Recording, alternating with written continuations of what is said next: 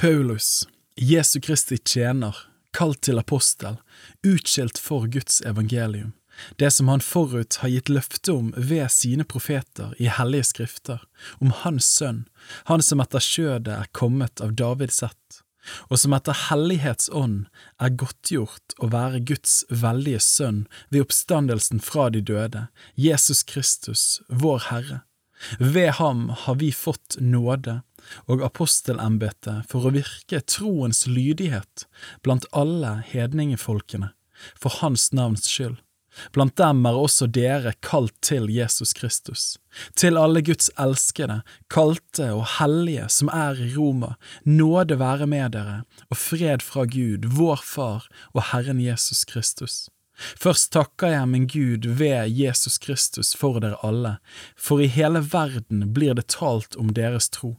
For Gud selv, som jeg tjener i min ånd i Hans Sønns evangelium, han er mitt vitne på hvordan jeg stadig minnes dere i bønene mine, og jeg ber om at det endelig en gang ved Guds vilje må lykkes for meg å komme til dere, for jeg lengter etter å se dere, så jeg kunne la dere få del med meg i noen åndelig gave, slik at dere kan bli styrket. Det vil si at vi kunne oppmuntre sammen med dere ved vår felles tro, deres og min. Jeg vil ikke, brødre, at dere skal være uvitende om at jeg ofte har satt meg fore å komme til dere, men helt til nå er jeg blitt hindret. Også hos dere ville jeg gjerne høste noen frukt av mitt arbeid, like som blant de øvrige hedningefolk. Jeg står i gjeld både til grekere og barbarer, både til vise og uvise. Derfor er jeg for min del rede til å forkynne evangeliet også for dere i Roma for jeg skammer meg ikke ved evangeliet, for det er en Guds kraft til frelse for hver den som tror, både for jøde først og så for greker. For i det åpenbares Guds rettferdighet av tro til tro, som det står skrevet, den rettferdige av tro skal leve. For Guds vrede åpenbares fra himmelen over all ugudelighet og urettferdighet hos mennesker som holder sannheten nede i urettferdighet. For det en kan vite om Gud, ligger åpent for dem, for Gud har åpenbart det for dem. For Hans usynlige vesen, både Hans evige kraft og Hans guddommelighet, har vært synlig fra verdens skapelse av. Det kjennes av Hans gjerninger, for at de skal være uten unnskyldning. For enda de kjente Gud, æret eller takket de ham ikke som Gud. I stedet ble de tomme i sine tanker, og deres uforstandige hjerter ble formørket. Mens de ga seg ut for å være vise, ble de dårer. Og de byttet bort den uforgjengelige Guds herlighet mot et bilde, en avbildning av et forgjengelig menneske og av fugler og firbente dyr og krypdyr.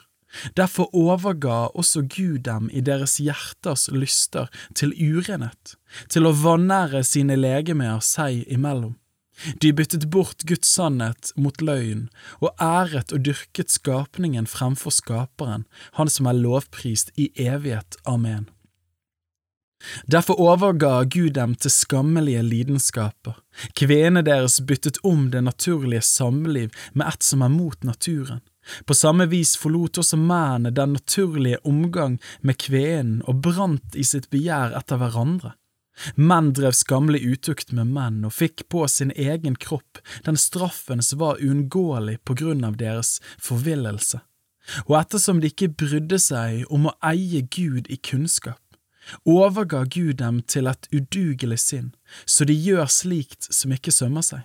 De er fulle av all slags urett, umoral, griskhet, ondskap, fulle av misunnelse, mordlyst og strid, svik og falskhet.